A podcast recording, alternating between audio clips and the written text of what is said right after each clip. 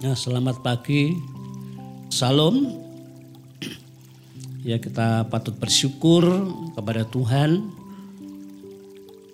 Kalau kita semua saat ini terus senantiasa selalu di dalam persekutuan dengan Tuhan. Ya, kita percaya untuk doa-doa kita tidak akan sia-sia. Allah pasti lakukan sesuatu yang dasar khususnya untuk bangsa dan negara. Untuk itu mari kita akan merenungkan firman Tuhan di dalam kitab Mazmur. Kitab Mazmur pasal 105. Mazmur 105 kita baca ayat 16 dan 17. Mazmur pasal 105 ayat 16 dan 17. Ketika ia mendatangkan kelaparan ke atas negeri itu dan menghancurkan seluruh persediaan makanan, diutusnyalah seorang mendahului mereka, Yusuf yang dijual menjadi budak. ya, sampai di sini. Firman Tuhan ini ya seperti dalam judul dalam awal ayat yaitu pasal 105 itu merupakan puji-pujian dari seorang pemazmur namanya Daud yaitu puji-pujian atas segala perbuatan Allah di masa lampau. Perbuatan Allah di masa lampau itu sangat banyak. Perkara-perkara yang ajaib yang Tuhan lakukan. Ya, salah satu ialah ketika Allah itu mendatangkan kelaparan ke atas bumi ini di negeri Mesir dan sekitarnya. Nah, pemazmur ini benar-benar seorang yang selalu mengingat perbuatan-perbuatan Allah yang begitu ajaib. Ini sangat indah dan sangat penting ya bagi pemazmur ini apa yang dulu pernah Tuhan kerjakan, Tuhan lakukan. Ya, untuk menolong orang-orang percaya itu begitu luar biasa. Itu tidak dilupakan. Terus selalu diingat dengan puji-pujian dari waktu ke waktu untuk dipersembahkan pada Tuhan. Itu pasti dampaknya sangat indah bagi pribadi Daud. Nah, setiap orang untuk bertahan hidup itu sangat diperlukan yaitu bahan makanan. Ya. Ketika terjadi kelaparan, persediaan makanan itu yaitu benar-benar membuat ya bahan makanan ya, maaf. Yaitu ketika terjadi kelaparan persediaan bahan makanan habis. Itu benar-benar membuat orang tuh sangat susah ya dan menderita. Berapa bulan berapa tahun terjadi kelaparan itu menjadi beban, menjadi masalah yang berat. Ya. Sehebat apa pun orang untuk mengatasi masalah kelaparan itu bukan perkara yang mudah. Apa yang kita alami di negeri kita? Wabah corona yang melanda dunia ini. Banyak orang yang meninggal menjadi korban. Untuk mengatasinya ini pun bukan perkara yang mudah. Kalau kita ya istilahnya mendengar bagaimana situasi di luar negeri, bagaimana orang-orang yang meninggal begitu banyak sampai kualan dalam hal untuk pemakamannya.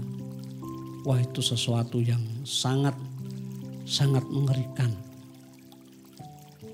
Belum mengatasi hal yang lain untuk melawan corona wah perjuangan perjuangan bukan perkara yang kecil. Ya. Jadi untuk mengatasi ini pun bukan perkara yang mudah. Ya ketika Allah mendatangkan kelaparan di bumi pada saat itu. Semua orang sudah kehabisan persediaan bahan makanan.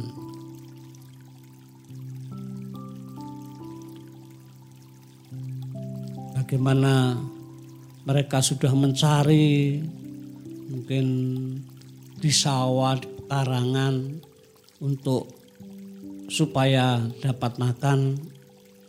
Ya, namun lama kelamaan terus kehabisan persediaan bahan makanan. Namun di Mesir tersedia bahan makanan selama tujuh tahun kelaparan. Ya. Ini sangat luar biasa. Jadi selama tujuh tahun kelaparan tersedia bahan makanan di Mesir. Sehingga seluruh bumi berdatangan dari mana-mana. Termasuk ya Yakub dan keluarganya di Kanaan datang berdatangan orang ke Mesir untuk membeli gandum. Sebab memang seluruh bumi terjadi kelaparan yang sangat hebat pada saat itu. Orang datang berdatangan mana-mana. Karena di Mesir persediaan makanan begitu luar biasa. Wah ini sangat luar biasa.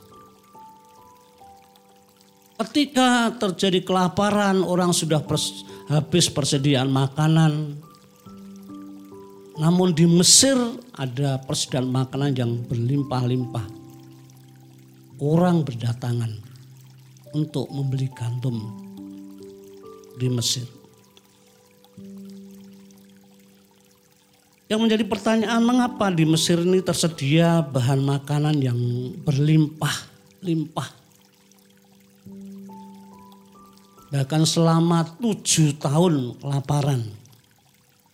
Ya. Tersedia bahan makanan. Karena ada orang yang diutus Tuhan dikatakan mendahului orang-orang datang ke Mesir untuk membeli gandum yaitu Yusuf yang dijual oleh kakak-kakaknya sehingga menjadi budak di Mesir. Sebelum terjadi kelaparan, Yusuf sudah mendahului ada di Mesir. Datang ke Mesir. ia karena ia dijual kakaknya, kakak-kakaknya lantas dibeli yaitu seorang kepala istana yaitu Potifar. Yusuf menjadi budak di tempat Potifar. Ya kita tahu Yusuf dijual ke Mesir. Mulai dari keluarganya dianiaya oleh saudara-saudaranya. Lantas dijual kepada orang Median, dibawa ke Mesir, dibeli oleh Potifar menjadi budak. Mengalami penderitaan yang luar biasa. Yang sungguhnya harus selalu bersama-sama dengan saudara dan orang tuanya. Karena masih sebagai anak. Anak yang ya istilah yang yang paling kecil ya kakak dari si bungsu ya Jadi sungguhnya mereka harus berbahagia bersama-sama dengan keluarga namun merasakan suatu kehidupan yang sangat-sangat berat menjadi budak di tanah Mesir di rumah Potifar.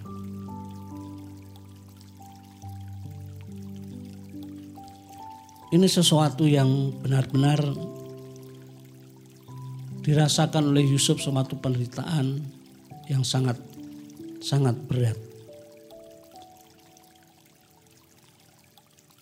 Namun kita bisa melihat kalau kita membaca firman Tuhan tentang kisah Yusuf ini meskipun Yusuf ini mengalami penderitaan ya namun Yusuf ini tidak dituliskan di situ tidak pernah lemah, tidak lem, putus asa, tidak mengeluh. Karena Yusuf sadar bahwa dibawa ke Mesir ini ada kehendak Allah yang sangat ada suatu kehendak Allah. Seperti yang pernah diimpikan oleh Yusuf. Tuhan menjanjikan untuk nanti jadi pemimpin. Saudara-saudaranya akan menyembah. Mimpi itu dipegang sebagai suatu janji Tuhan. Jadi ketika waktu itu ya mengalami suatu penderitaan dianiaya oleh saudara-saudaranya dimasuk sumur kemudian dijual dan sampai ke Mesir menjadi budak di rumah Potifar. Itu mengalami suatu penderitaan. Namun Yusuf tidak lemah tidak putus asa. Dia tetap senantiasa percaya kepada Tuhan. Tetap percaya kepada Tuhan.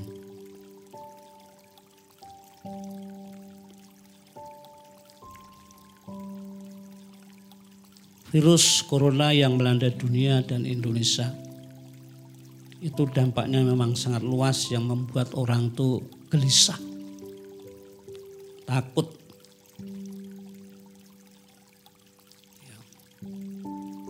Namun kita kembali seperti apa yang terjadi ketika Yusuf ada di Mesir.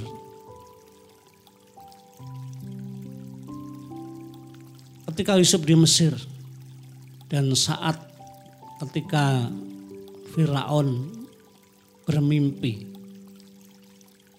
tidak ada orang yang dapat menjelaskan arti mimpi Firaun.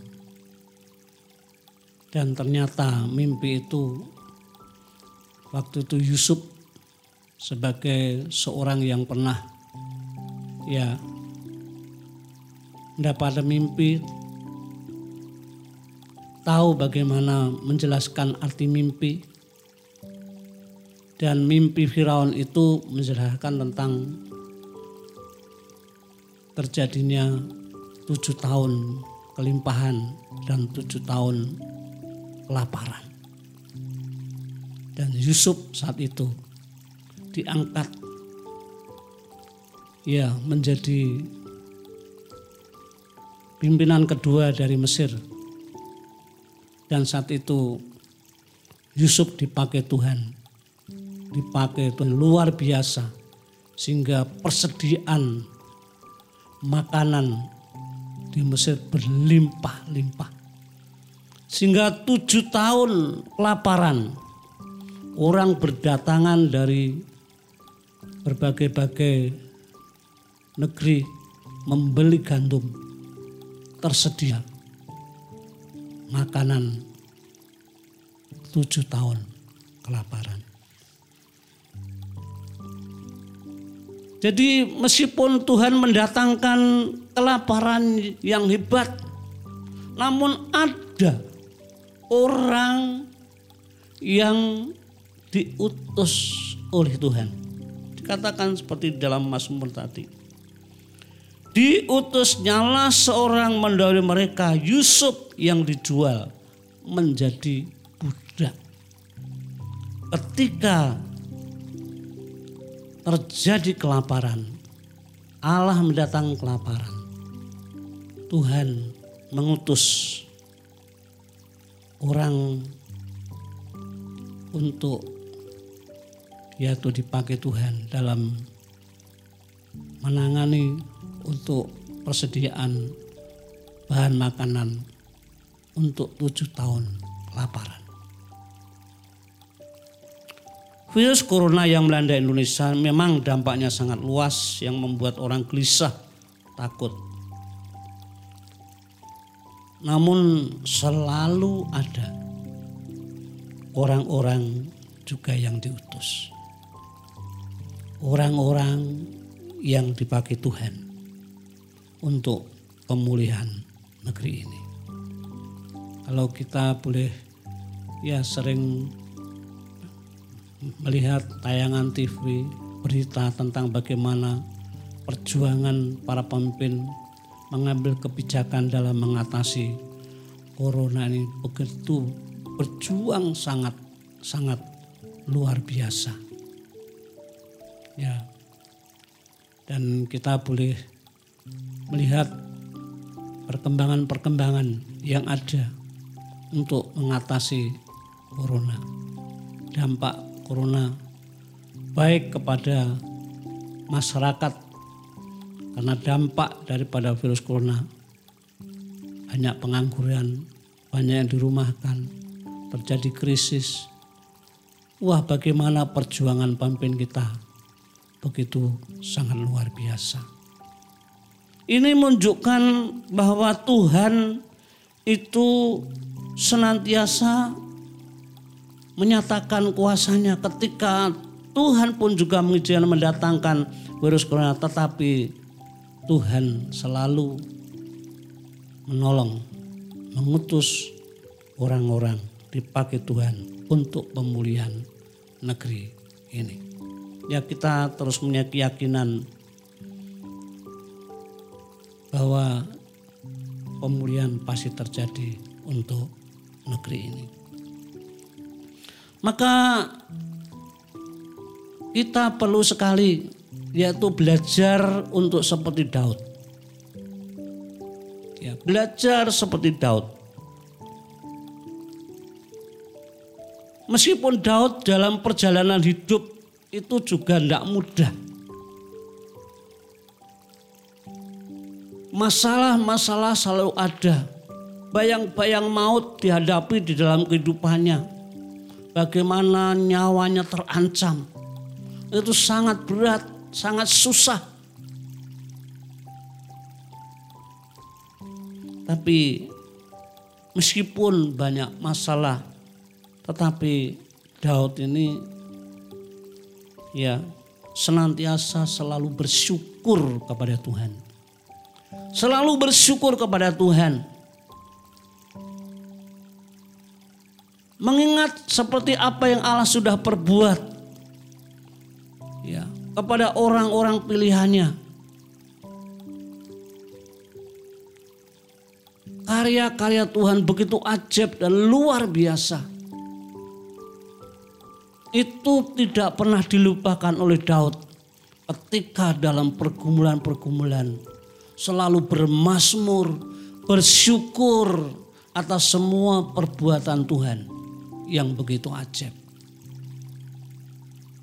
Itu senantiasa terus meyakinkan kehidupan imannya. Puji-pujian mengingat akan perbuatan-perbuatan Tuhan. Yang memang selayaknya apa yang Allah perbuat itu memang tidak boleh dilupakan. Apa yang Allah sudah perbuat itu selalu terus harus kita ingat. Untuk menguatkan imannya ketika menghadapi begitu banyak masalah. Untuk hatinya bukan tertuju kepada masalah, namun tertuju kepada Tuhan. Sebab pertolongan yang sempurna adalah datangnya dari Tuhan. Itu selalu ada di dalam di dalam kehidupan Daud. Salah satu daripada perbuatan Tuhan yang ajaib tentang Allah mendatangkan kelaparan. Tuhan itu sudah mengutus terlebih dahulu Yusuf untuk yaitu menyediakan bahan makanan tujuh tahun kelaparan. Tuhan yang mengutus. Meskipun Daud, uh, Yusuf ini dalam kehidupannya memang banyak masalah, namun kehidupannya penuh ya menderita, namun senantiasa tidak mengarahkan beratnya penderitaan, namun tahu bahwa segala sesuatu ada rencana Tuhan yang begitu besar. Salah satu hal ini pun itu sangat luar biasa.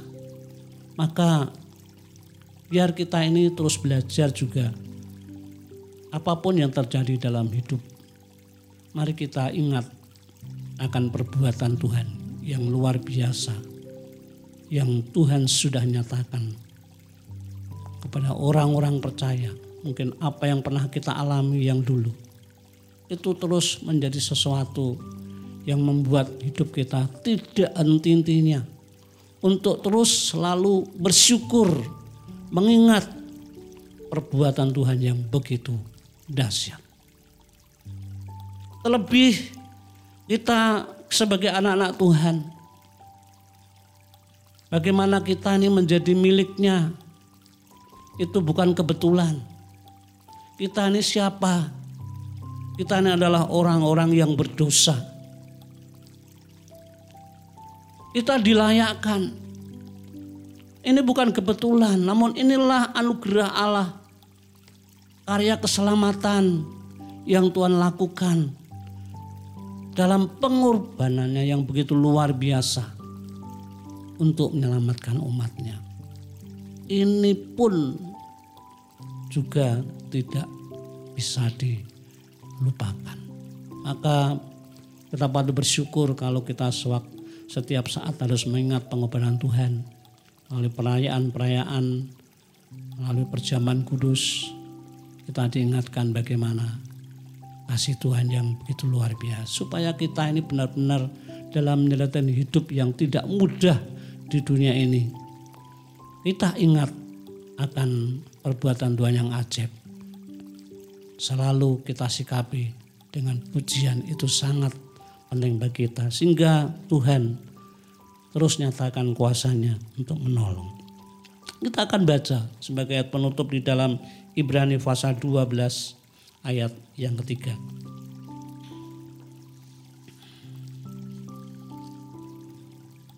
Ibrani pasal 12 ayat 3.